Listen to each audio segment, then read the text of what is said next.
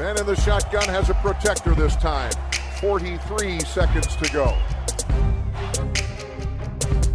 He scrambles around, throws it back corner of the end zone.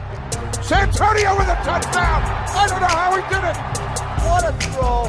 What a catch! What a game! No, Mike 43, call 57. That! Suffocate him! Make him miserable! All game long! Get us the ball back! You could love him or hate him, but he was Brad. Hej, du lyssnar på veckans NFL. Den här gången är det jag, Mattias och Rickard som ska snacka lite och eh, vi har en eh, vecka avklarad, Rickard. Ja, härligt va? Känns, känns, man känner sig lite mör, så här lagom mör i kroppen efter första veckan tycker jag. Ja, eller hur? Det känns också som att eh, det är nog många av lagen som känner sig lite möra i kroppen också. Många av dem såg också ungefär lika förberedda ut som man själv var när man satt i soffan där och försökte liksom hänga med i allting. Lite ringrostig första vecka får man säga. Jag satt och bläddrade lite fram och tillbaka mellan matcher och kände så här, gud, jag känner mig förvirrad redan nu. Eh, det, det var väl ungefär som du sa, så många lag såg ut på plan också. Ja, så är det En riktig klassiker också när man sitter och när det blir halvtid i den matchen man själv tittar på. Mhm. Nu har jag Game Pass, då. det är kanske inte eh, alla som har möjligheten att slå över till Red Zone, men då brukar jag alltid slå över upp till Red Zone. Och så sitter man där och tittar och liksom, så visar de kanske lite, kanske bara en match igång så att man får se rätt långt från den matchen. Liksom. Och då glömmer man helt bort att just det, jag höll ju på att titta på en match. Så Ja, ska man byta precis. tillbaka och då har man missat första driven. så- Sådana grejer hände mig väldigt mycket här första veckan. Så ja, inte riktigt i form.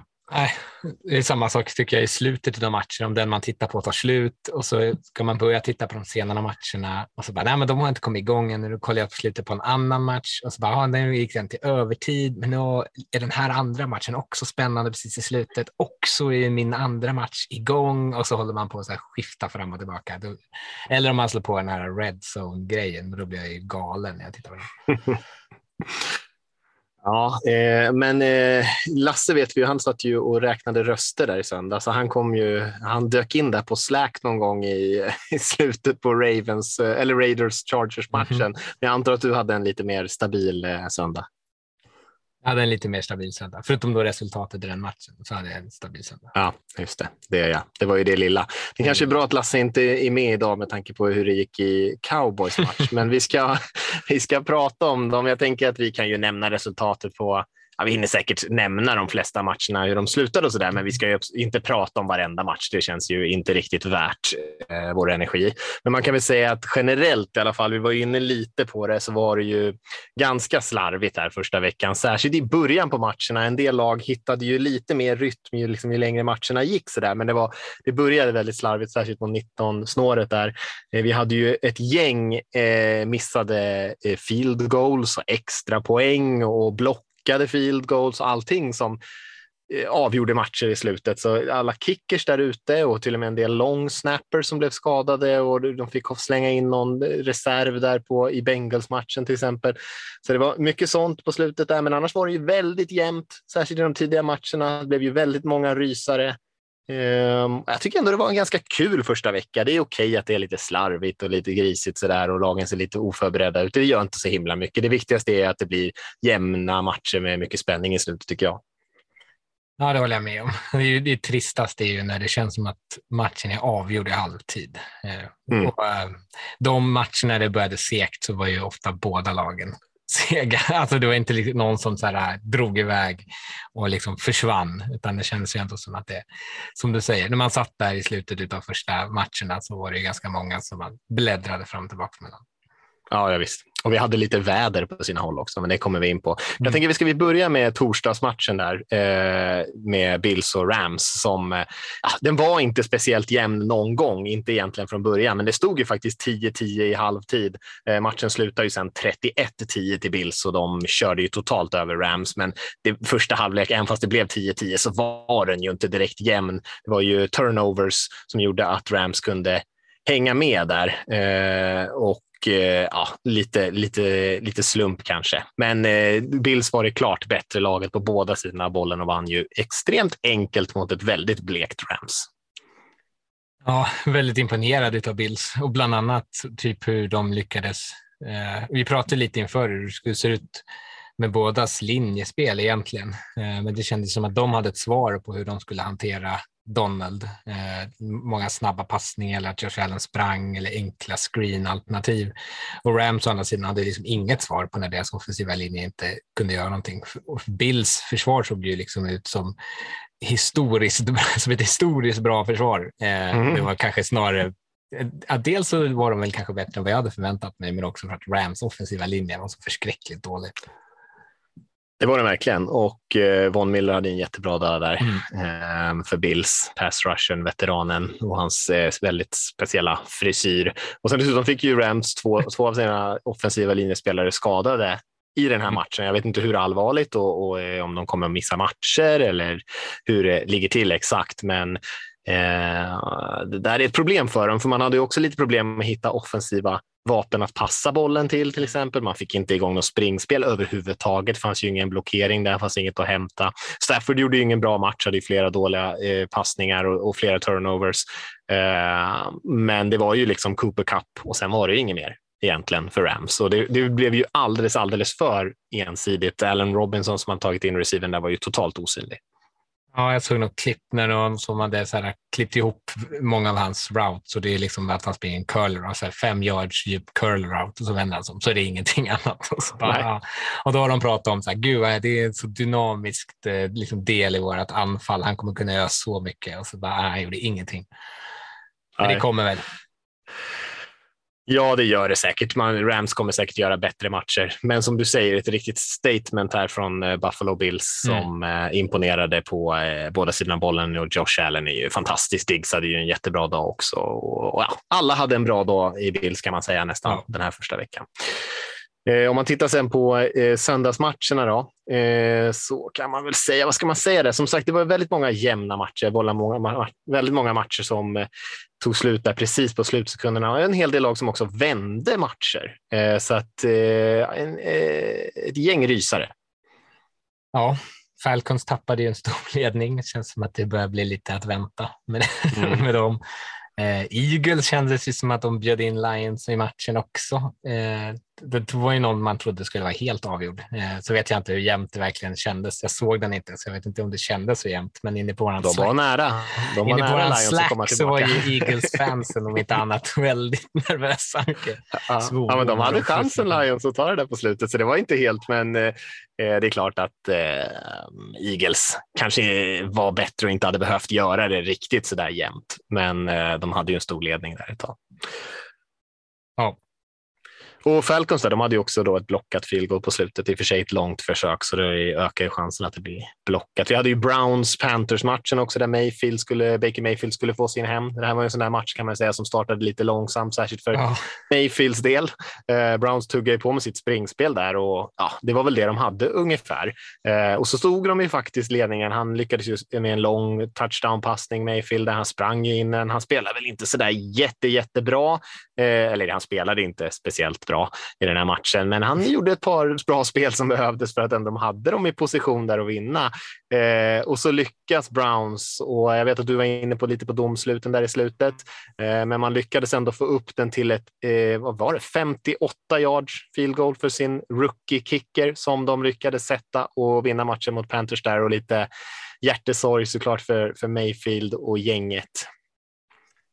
Ja, Alltså jag, här, jag håller med, Mayfield spelade inte så här, superbra. Andra halvlek så blev det ju något bättre. Hela anfallet spelade bättre då. Det var ju också en offensiv linje som spelade kast. Han var ju under konstant press. Eh, ja, dels också för att Miles Garrett spelade fantastiskt. Men det, det som jag, jag kan liksom inte släppa de här domsluten som är så otroligt. Först en felaktig roughing the passer som ger Browns 15 yards på den sista serien och sen framför allt så är det ju en intentional grounding när de fake spikar och liksom det är ju så här hela syftet med en spike, alltså de först fejkar eh, Jacoby Brissett att han ska spika den och sen så bestämmer sig för nej, jag spikar i alla fall. Och då har man liksom gjort, då har man gjort en rörelse som gör att det, spelet är igång. Och domaren förklarar till och med, ja, it was a fake spike and then he spiked it. Så, ja, det, Skitbra. ja, ja, det, det ja vi såg det. Liksom, det är det som är flaggan. Och så bara, so we, there's no flag. Och så, men då hade det liksom varit 70 yards field, eller 68 yards field goal. Eller liksom ja, de hade räknat av sekunder på klockan, eller tre sekunder kvar, liksom 70 yards. Ja, det var, så det var ju väldigt trist sätt för åtminstone om man sympatiserar lite med Mayfield som jag gjorde i det här fallet. Att jag tyckte att det var kul om man hade fått liksom ge dem på käften. Eh, så jävligt trist tyckte jag. Ja, att det skulle sluta på det sättet när Mm. de ändå kom tillbaka där. Ja. Precis. Och för de som inte vet vad en spike är kan man väl säga att det är bara när man kastar bollen rakt ner i marken direkt efter snap för att stanna klockan. Alltså man förlorar ju en down på det, men det är ett effektivt sätt att, stoppa klockan om man har lyckats med ett spel eh, innanför sidlinjerna så att säga, så att klockan fortfarande tickar. Eh, men man får ju inte göra då som Brissett gjorde då, att först fejka att man ska kasta den där, för det finns ju några sådana här kända fake spike-spel genom historien där man har Mm. fejkat spiken och sen har man kastat en, en touchdown-passning istället då när försvaret står och sover. Man får ju inte fejka spiken och sen kasta ner den i marken. Det, det, så får man ju faktiskt inte göra. Så det var ju väldigt underligt att domaren förklarade regelbrottet och sen förklarade att det inte var ett regelbrott uppenbarligen. Ja, eh, väldigt intressant eh, taktik där från domaren. Då har vi mer. Vi kan ju säga så här, vi kan ge lite, vi kan ge lite cred till Lasse som faktiskt prickade in Bears-vinsten.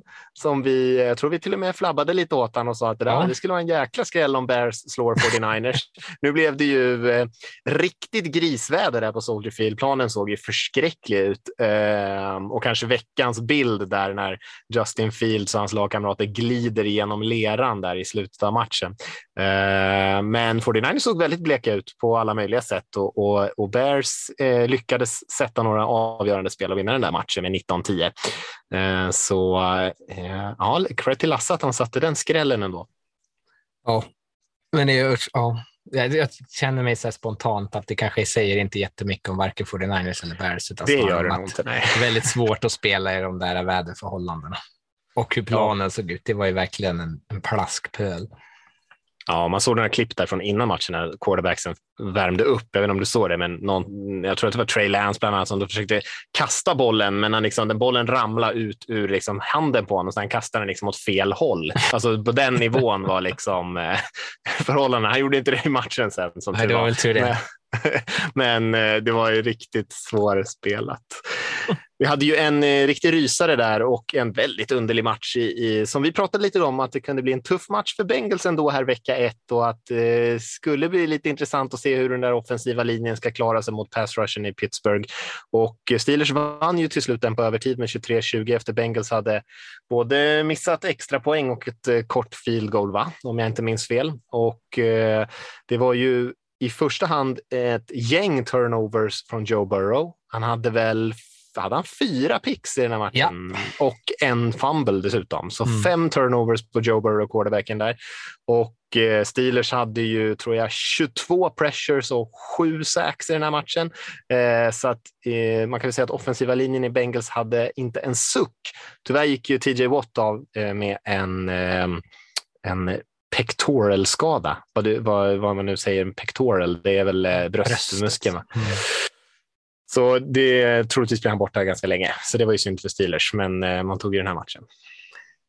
Ja, det var ju nästan komiskt hur mycket det missades med field goals och extra poäng. Det känns som att eh, egentligen Bengals liksom naglade sig tillbaka in i den här matchen efter alla de här pixen och hade, liksom- då trodde man att de skulle vinna när de liksom går upp 2020 och bara ska sparka in ett, en extra poäng och så blockar Minka Fitzpatrick den. Och sen så har de ju liksom flera tillfällen, eller det, jag tror att det är två field goals till och med på övertiden som de missar. Eh, det är ju förskräckligt dåligt, eh, men kul för Steelers. Ja, visst. visst. Och Bengals, alltså. Har man har ens QB5 turnovers så kanske man inte ska vinna. Så jag vet inte om man ska skylla riktigt. Men eh, det är ju klart att deras långsnapper var skadade där och snapsen var ju förskräckliga på deras goals och extra poängsförsök. Så det blir ju, jag vet att många tycker att kicken eh, borde sätta det ändå, så där, men tajmingen blir ju rätt skum där när eh, snappen går över huvudet på holdern och den ska ner. Ja. Och, ja, det blir liksom fel helt enkelt. Inte så, så himla enkelt är det inte att kicka field goals i NFL-matcher, även när de är korta. Eh, så att man kan ha, hantera vilken typ av timingfel som helst. Men eh, Eh, något man kan nämna, jag tycker Minka Fitzpatrick nämnde ju där, han hade ju ett pick six där i början. Joe Burrows Mm. första pass den här säsongen då, som blev ett pick six. Och så hade han ju även det blockade field goalet och han har också 14 tacklingar tror jag, eller något sånt där. Så han var ganska aktiv i den här fighten. Ehm, Jag såg eh, på eh, Dolphins Patriots-matchen eh, som jag tyckte var ganska intressant. Dolphins vann ju 27 ganska, ganska bekvämt tycker jag. Patriot hade en lång 95 yards drive som var imponerande, men annars hade man det ganska tufft faktiskt mot det här Dolphins försvaret där deras framförallt DBs tycker jag spelade väldigt bra i i Miami och eh, offensivt så såg det väl ut ungefär som man hade tänkt sig. Det, det är liksom korta passningar från Tua, inte så mycket explosivitet. Det är Hill och Waddle och man fick igång lite springspel. Eh, och man liksom eh, matade sig ner långsamt neråt plan. Och det är klart att man, jag skrev det tror jag på Twitter, men att eh, det är klart att man skulle vilja hitta lite mer explosivitet i det här Dolphins-anfallet så småningom om man ska slå lite bättre lag och sådär. Men man får också kanske komma ihåg att Patriots spelar ju också med kanske sex defensive backs mm. nästintill hela tiden i försvaret och det är svårt att hitta de där explosiva spelen under de eh, förhållandena. Men eh, jag tycker ändå Tua spelade ganska bra. Man flyttar bollen hyfsat. Sen hade han några sådana här grejer som man bara, bara kliar sig i huvudet och vad håller han på med? Eh, som han kom undan med i den här matchen. Och sånt kan han ju faktiskt inte hålla på med kasta bollen han håller på och bli tacklad och såna här saker. Eh, hade någon som bara var rätt i händerna på en Patriots var inte i närheten av någon Miami receiver. Eh, så lite sådana där dumma grejer, men eh, utöver de grejerna så spelar han en ganska clean match tycker jag. Om man inte ska dra för stora växlar av första veckan, men ändå tänker tänk jag göra det. Så, med Patriots, som man alltid pratar om, dels i och för sig att de startar säsonger långsamt, men att man aldrig ska räkna bort dem. Kan man räkna bort dem? Hmm. Ja, som en utmanare tycker jag definitivt ja. man kan räkna bort dem. Så bra är de inte. Som, en, som ett eh. slutspelslag? Ja, det, det, skulle jag kanske ha svårare att räkna bort dem helt eh, ur den än så länge. Eh, tror som sagt att de kan bli lite mer välcoachade och så där. De hade ja, en del grejer som var lite slarv och så där. Eh, och att man kan hitta något lite ganska hyfsat produktivt offensivt ändå tror jag med Mac Jones och lite springspel och sånt där. Eh, så att, nej, jag skulle inte räkna bort dem helt från den situationen, men som en, liksom en utmanare, ett topplag, ett, ens ett topp 8, topp 10-lag, nej, det tror jag man kan ta bort dem redan. Ja. Eh, men Dolphins tycker jag fortfarande är lite ja, det är positivt där, men det är ju ändå eh, upp till bevis tycker jag. Säger inte så himla mycket vecka ett här heller.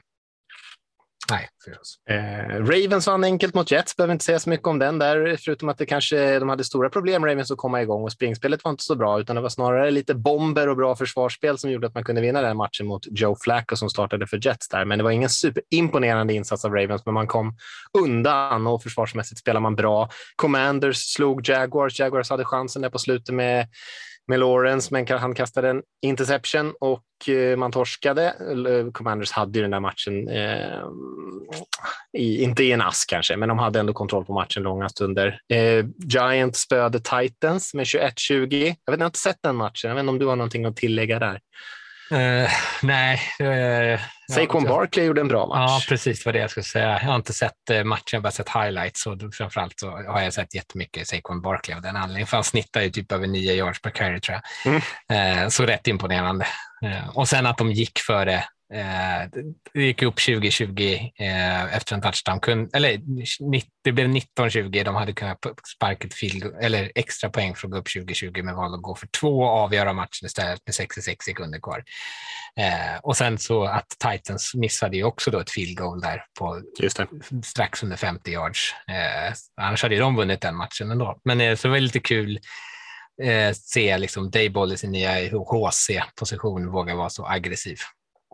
Verkligen. Ja, nej, men det, sånt där gillar man ju. Känns mm. ju lite som något som eh, Vrabel skulle hitta på på andra sidan annars. Ja.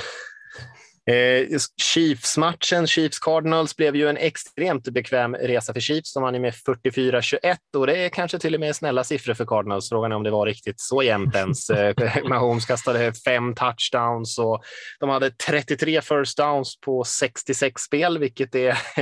eh, vi kan sammanfatta det som total lekstuga. Det här Cardinals-försvaret var ju eh, på gränsen till patetiskt skulle jag säga i den här matchen. På, var på fel ställen, dåligt coachade, för dåliga bara. Och Chiefs såg ju ja, precis så där bra ut som vi har sett det här Chiefs-anfallet de senaste åren. Mm. Ja, de saknade ju inte Hill direkt. I alla fall inte i den här matchen. Inte i den här matchen, men Cardinals får det nog svettigt den här säsongen tror jag. Eh, om de ska spela på det där sättet i alla fall. För det där såg inte ut att vara bara Chiefs som gjorde att det var riktigt så där lätt, utan det var inte så mycket till motstånd skulle jag säga i alla fall. Vi hade ju en eh, riktigt eh, trist, några lag kan vi säga hade en ganska trist första vecka här och eh, vi kan väl ta tre av de här eh, innan vi kommer in på Raiders-Chargers-matchen som är lite intressant också. Men vi, Packers förlorade ju mot Vikings. Det såg ju, de saknade ju ett par spelare, framförallt i offensiven i Green Bay och eh, fick fick aldrig egentligen igång någonting på hela den här matchen, medan Vikings å andra sidan vann rätt bekvämt med Justin Jefferson i, i täten där som hade väl 180 yards och två touchdowns eller något sånt där. Sen hade vi en, en match som var lite tillknäppt mellan Tampa Bay och eh, Dallas Cowboys där eh, Bucks vann med 19-3 i slutändan. Cowboys såg riktigt eh, ringrostiga ut, eh, särskilt offensivt eller kanske framför allt offensivt. Och sen fick de också en skada på Dak Prescott som tydligen är en ganska allvarlig skada. Han kommer nog bli borta en till två månader med en tumskada. Så en riktigt, riktigt trist start för cowboys och Packers. Och sen så har vi kanske det lite lätt hypade Broncos i alla fall med Russell Wilson som kommer tillbaka till Seattle här och får torsk 16-17 mot Seahawks som eh, jag tror att många ändå har, till och med jag, hade räknat bort i den här matchen och kanske som en seriös utmanare den här säsongen. Men eh, lite schyssta studsar för Seahawks, väldigt bra spel från Gino Smith och eh, ja, vältajmade försvarsspel gjorde att man kunde ändå klämma ur den här vinsten i slutändan. Det är lite eh, kontroversiellt där i slutet på den matchen när eh, Broncos väljer att kicka ett eh, hysteriskt långt field goal istället för att spela på fjärde och fem. Eh, och det har de ju fått kritik för. för de missade ju den då det, och kan ju tycka att det var en större chansning att försöka sätta det field goalet än att lyckas flytta bollen fem yards nu när man har skaffat sig en sån ny dyr quarterback. Om man betalar inte 240 miljoner för att han ska eh, sitta på sidlinjen och matchavgörande eh, liksom spel. Det är väldigt, om, jag, om man tyckte att det, om jag gillade att Dable vågade gå för det mot Titan så är, är ju skrattretande att Nathaniel Hackett är så konservativ att han inte spelar i det här. Men eh, om eh, Wilson fick lite sådär, uh, fan är jag fortfarande kvar i Seattle? Med liksom Pete Carroll och hans konservativa idéer. Nu har ju ja. Seahawks aldrig haft en kicker som kan kunnat kicka några 60, vad det nu var, 60 plus yards field goals, men eh, annars hade de nog försökt skulle jag säga, för det kändes lite som ett Pete Carroll-beslut annars. Eh, ja, vi kan gå till den här Raiders Chargers matchen. Eh, det var ganska kul tycker jag, ganska underhållande. Eh, jämn ganska länge ändå, även fast Chargers hade ledningen i majoriteten av matchen och lyckades hålla undan ett gäng turnovers från Derek Carr här i den här matchen. Han hade tre interceptions, till och med mm. alla i första halvlek, var det så? Nej, nej, kanske inte var. Men tre interceptions i alla fall tre interceptions, tre, två fumbles, men de plockade han mm. upp själv också. Eller inte han själv, någon plockade någon annan upp.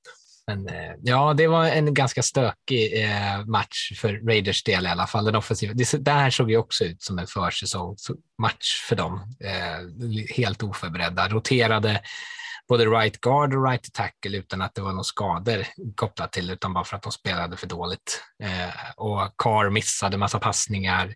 Han, två av hans picks, eller interceptions är ju för att han kastade bollen alldeles för kort. Liksom. Eh, så de var ingen synk i anfallet överhuvudtaget. Och Chargers å andra sidan försvar såg ju fenomenalt ut. Duon eh, Joey Bosa och Khalil Mack var jätteunderhållande att titta på. Och Dervin James, deras safety som nu fick ett Oj, kontrakt, mm. spelade fantastiskt. Eh, många gånger var han liksom deras, den som de lämnade ensam och dubblade med resten av sina eh, spelare i sitt secondary, vilket är galet. Och så får de tillbaka, när de får tillbaka J.C. Jackson, då, deras eh, bästa cornerback som var skadad nu, som de plockade in, då blir de ju bara ännu bättre. Så det blir väldigt intressant. Um, och sen så spelade ju Herbert så där fantastiskt som han kan göra. Eh, Lite, vi skrev om det i tidningen också, man blir lite frustrerad av att titta på Chargers, för det är helt sjukt att det, när det är tre minuter kvar så står det bara 24-19 och Raiders har bollen och möjlighet att,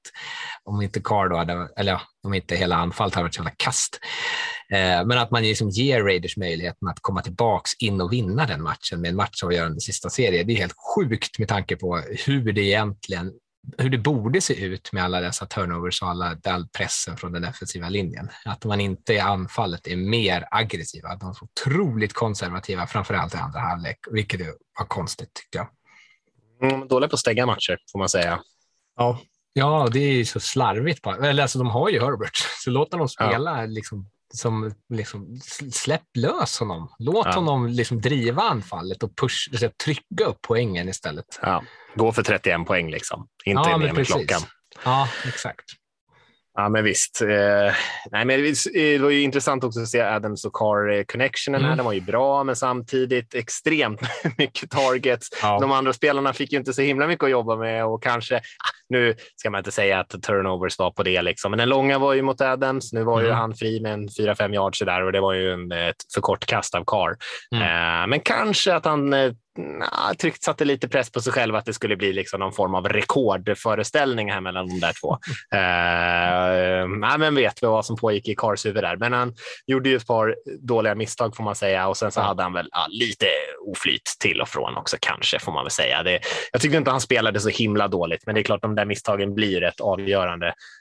Um, sen tyckte jag väl lite osynligt med pass rushen utöver Max Crosby också. Jag tyckte Rashon Slater där på left tackle för Chargers gjorde ett himla jobb mot Chandler Jones Ja. eh, större delen av matchen. Han kom igenom någon gång där i slutet av matchen, men annars var han totalt osynlig och Chandler Jones är ju en av ligans mest produktiva pass rush de senaste åren eh, och att Slater redan har blivit så pass bra Ja, men stor skillnad på hur mycket tid i fickan och så där, de här två olika quarterbacksen hade. Det var ju Mm. eh, lite natt och dag.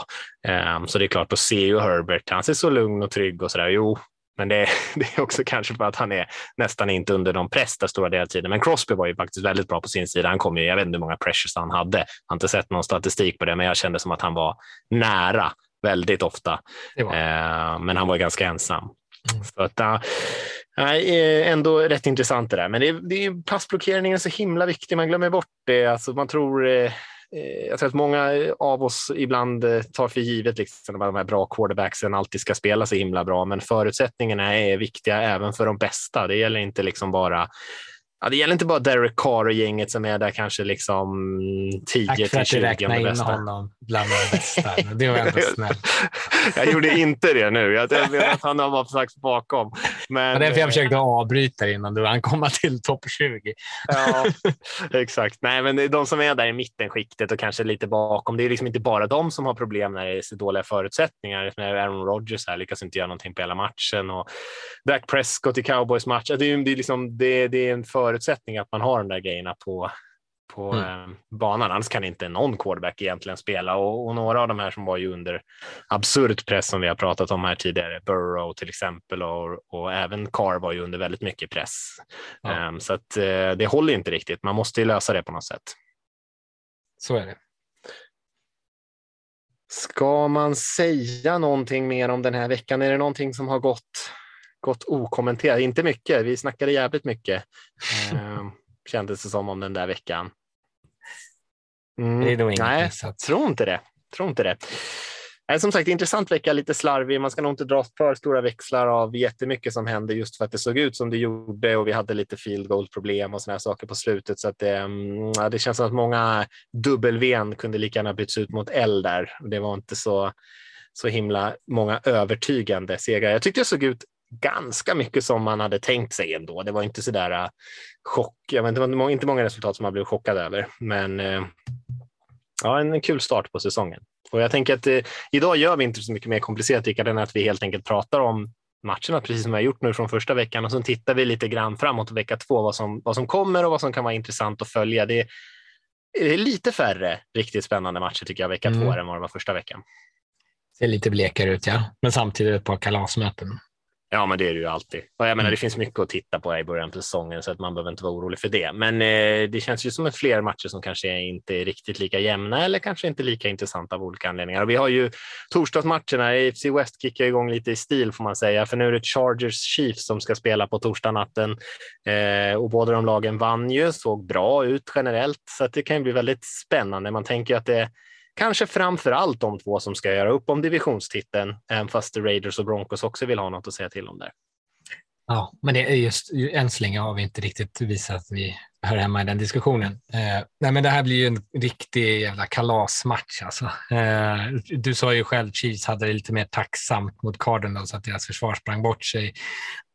och Chargers försvar spelade ju skitbra mot Raiders. Så det här blir ju kanske inte lika liksom, lätt bana för Mahomes att bara trampa runt. Den offensiva linjen får lite mer av ett test. Eh, och eh, Derwin James, som vi pratade om, spelar bra. Han kan ju plocka, plocka undan Travis Kelce egentligen ensam och då, då blir det plötsligt lite mer eh, vad ska man säga, intressant hur Chiefs väljer att lösa det.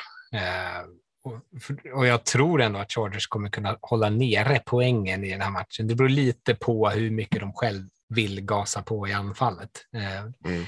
Det är lätt att titta på de här lagen och känna att båda är offensivt drivna och att det kommer sticka iväg av den anledningen. Men jag tror inte att Chargers vill hamna i den typen av situation heller. Men de har också ett anfall som är, om de släpper då Herbert lös, som är tillräckligt starkt för att kunna piska upp en del poäng mot det här Chiefs-försvaret som jag fortfarande inte är helt övertygad eh, om att det kommer vara så här eh, svinbra. Nej, det tror inte jag heller, men Chiefs försvar brukar alltid vara så lite bättre än eh, vad de borde, tycker jag. eh, kanske, kanske ganska välcoachade och liksom spelar sin roll på något sätt. Där. De vet ju mm. vad de har för anfall där. Så, eh, ja, nej, det känns ju som en superkul match såklart. Så jag menar, två så otroliga quarterbacks och mm. många spännande, ja, nu Chiefs tappar lite skillspelare, men det finns ju mycket där att gotta ner sig i ändå. De är ju så himla bra. Det känns som eh, kreativ playcalling och eh, mycket eh, idéer om hur man liksom kan eh, få försvaret att reagera på det sätt man vill. Så det finns mycket liksom roligt att titta på i den här matchen tycker jag. Som du säger, Charge försvar eh, levererade förra veckan och det finns mycket bra där så kanske kan man sakta ner dem och hänga med i den här matchen. För så som det såg ut första veckan får ju Chiefs kanske vara favoriter, men jag tror Chargers har en väldigt god chans här och över hela säsongen också. Jag tror inte man ska kanske överreagera hur mycket som helst på den här Cardinals-vinsten, men det är klart eh, imponerande från Chiefs första veckan. Men ja. Det är ju en mm. skillnad om Cardinals blitzade på typ 40, så här, någon absurd, 47 procent av spelen, eller sån här, vilket är helt absurt. Eh, och det kommer ju Chargers inte behöva göra med den fronten som de har. Ehm, så det, och de, deras passförsvar är ju deras styrka, så det ligger ju dem lite i handen egentligen. Det är en, på så sätt är det en väldigt intressant match att se hur Chiefs ska hantera det. Om de ska köra snabba, korta spel, ska de börja springa bollen lite mer än vad, de, kanske, än vad som ligger i Andy Reeds DNA. Ehm, så det, han kommer inte vara lika mycket soprena hål för att det är så blitzande spelare som är ute och cyklar. Nej, Ja, det är intressant faktiskt att Cardinals gjorde det. Ja, förra säsongen känns som att man ändå hittade någon liten strategi för att sakta ner Chiefs lite. De var ju bra mm. ändå, liksom, men de är bra vilket som, så det kan man inte liksom, det är pest eller kolera. Men eh, så väljer man att spela liksom, på inte alls på det sättet som, som många har gjort framgångsrikt och då mm. eh, blev det ju en eh, smärre katastrof om man säger för Cardinals. Så jag tänker att Chargers kommer absolut inte som du säger göra bort sig på det sättet. Eh, jag tror på Chargers vinst ja, här på torsdagsmatchen ändå. Oj, det var, ja, det tror jag. jag tror att de kommer vara med, men på bortaplan mot Chiefs så här tidigt. Nej, det tror jag blir ja, hoppas tufft. På det. Hoppas på det.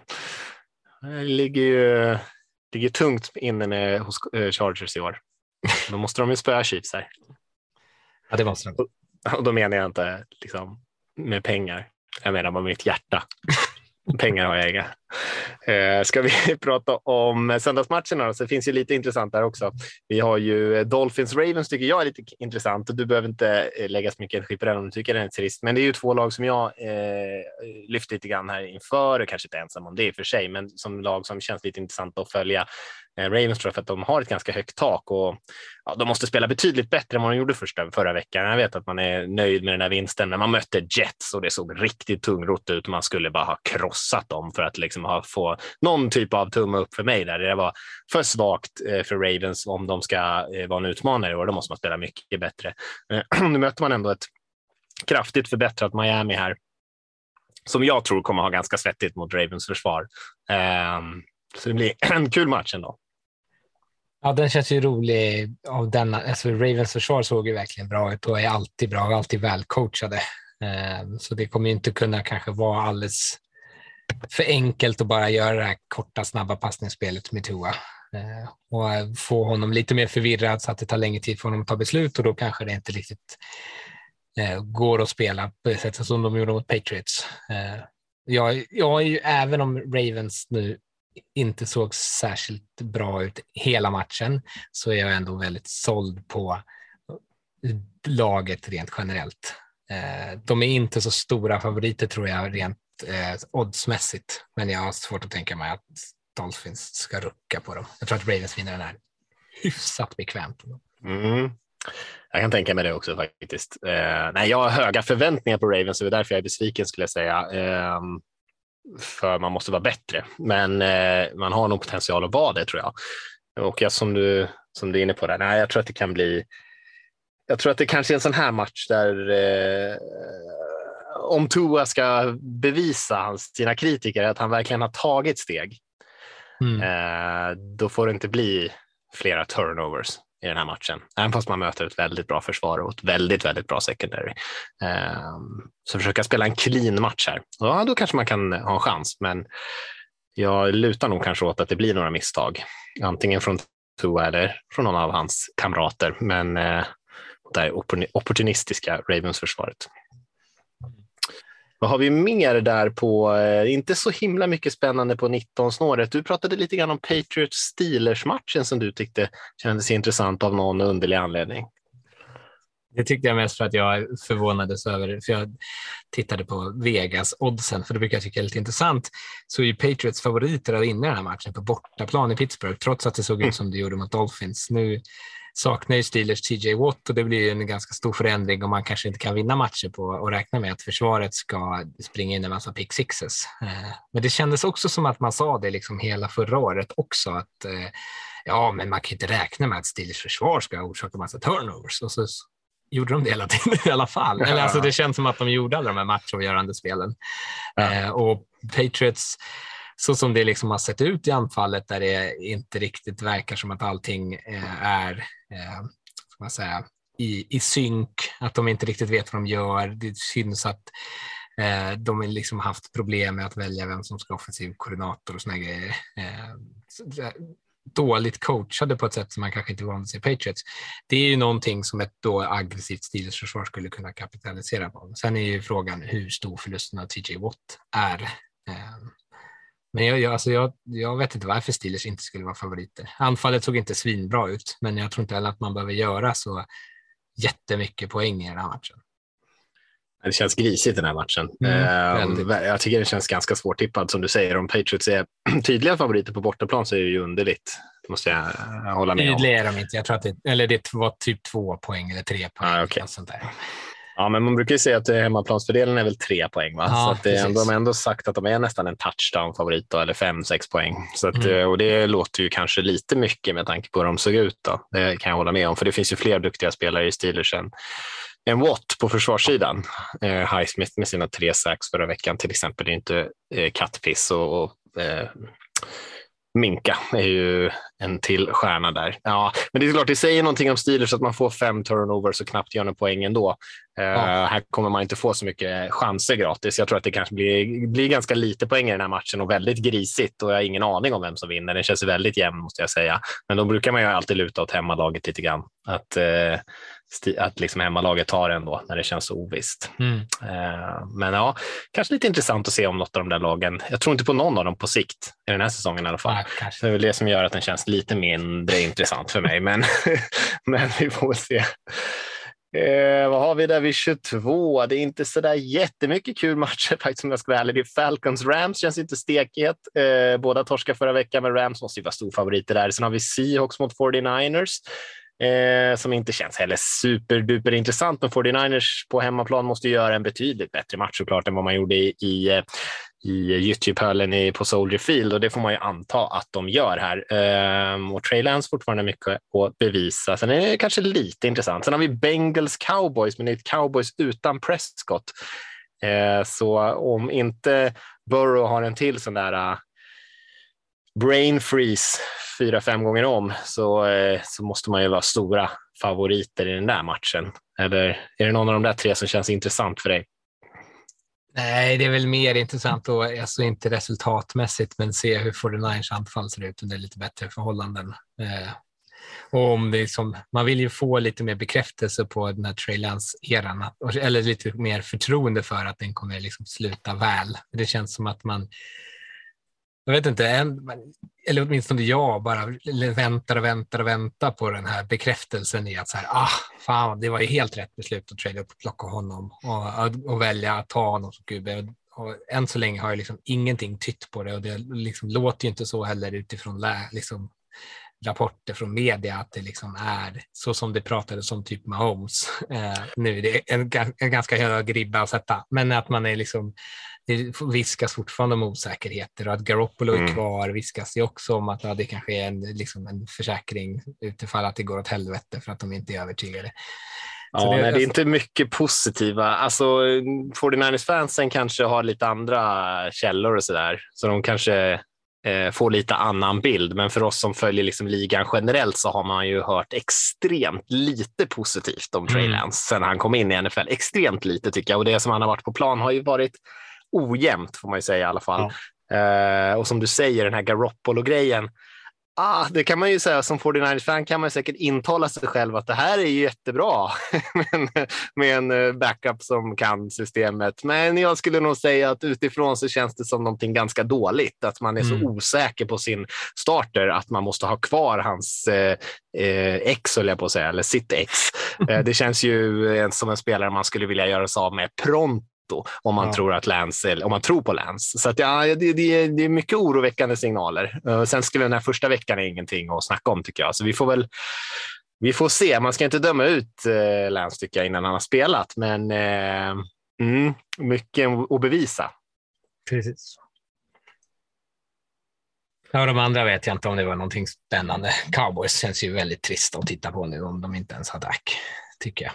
Nej, jag vet inte, är det Cooper Rush eller vem är det som ska spela? Uh, Cowboys har alltid de uh, sämsta backupsen på QB. Men varför det, um, varför är det så riktigt? Det känns som att man skulle kunna hitta bättre bättre alternativ där faktiskt. Men eh, ja, man, klart man, man hoppas ju att, inte att ens QB ska bli skadad, men kan man lika gärna ge upp ändå. Det är ganska många lag där, om, om deras QB skulle skada sig så är de rätt chanslösa.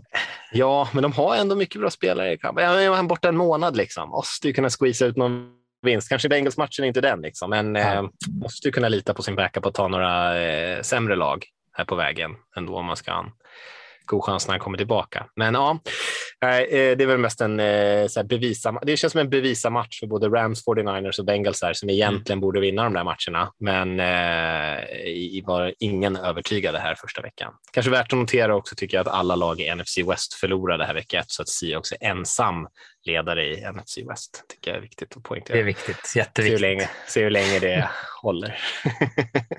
Men eh, just nu i alla fall. Eh, sen är det ju Texans Broncos känns inte superintressant om jag ska vara ärlig. Och eh, Cardinals Raiders känns ju kanske lite mer intressanta för Cardinals har ju ändå, jag vet inte hur många matcher de vann förra säsongen, vann de tio kanske? Kanske till och med mer? Ja, det var något där tror jag. Så att eh, de har ju, de är inget eh, soplag egentligen, även fast man såg dåliga ut här första veckan. Så att eh, det är ju ingen eh, bara eh, gimme-match för Raiders här. Men eh, man får ju säga att de går in som favoriter, Las Vegas. Absolut. Men, eh, torska första veckan och det är viktigt att vinna den här. Och det är viktigt för båda lagen. Ja, om de ska vara med i någon sorts typ av diskussion, ja.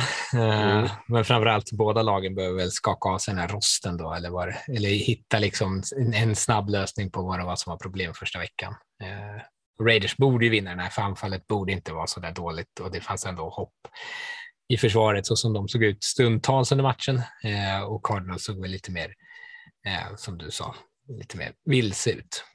Sen är det mm. väl det är lättare att blitza Derek Carr än vad det är att blitza Mahomes, men jag, jag kan inte heller tänka att de kommer vara så där aggressiva.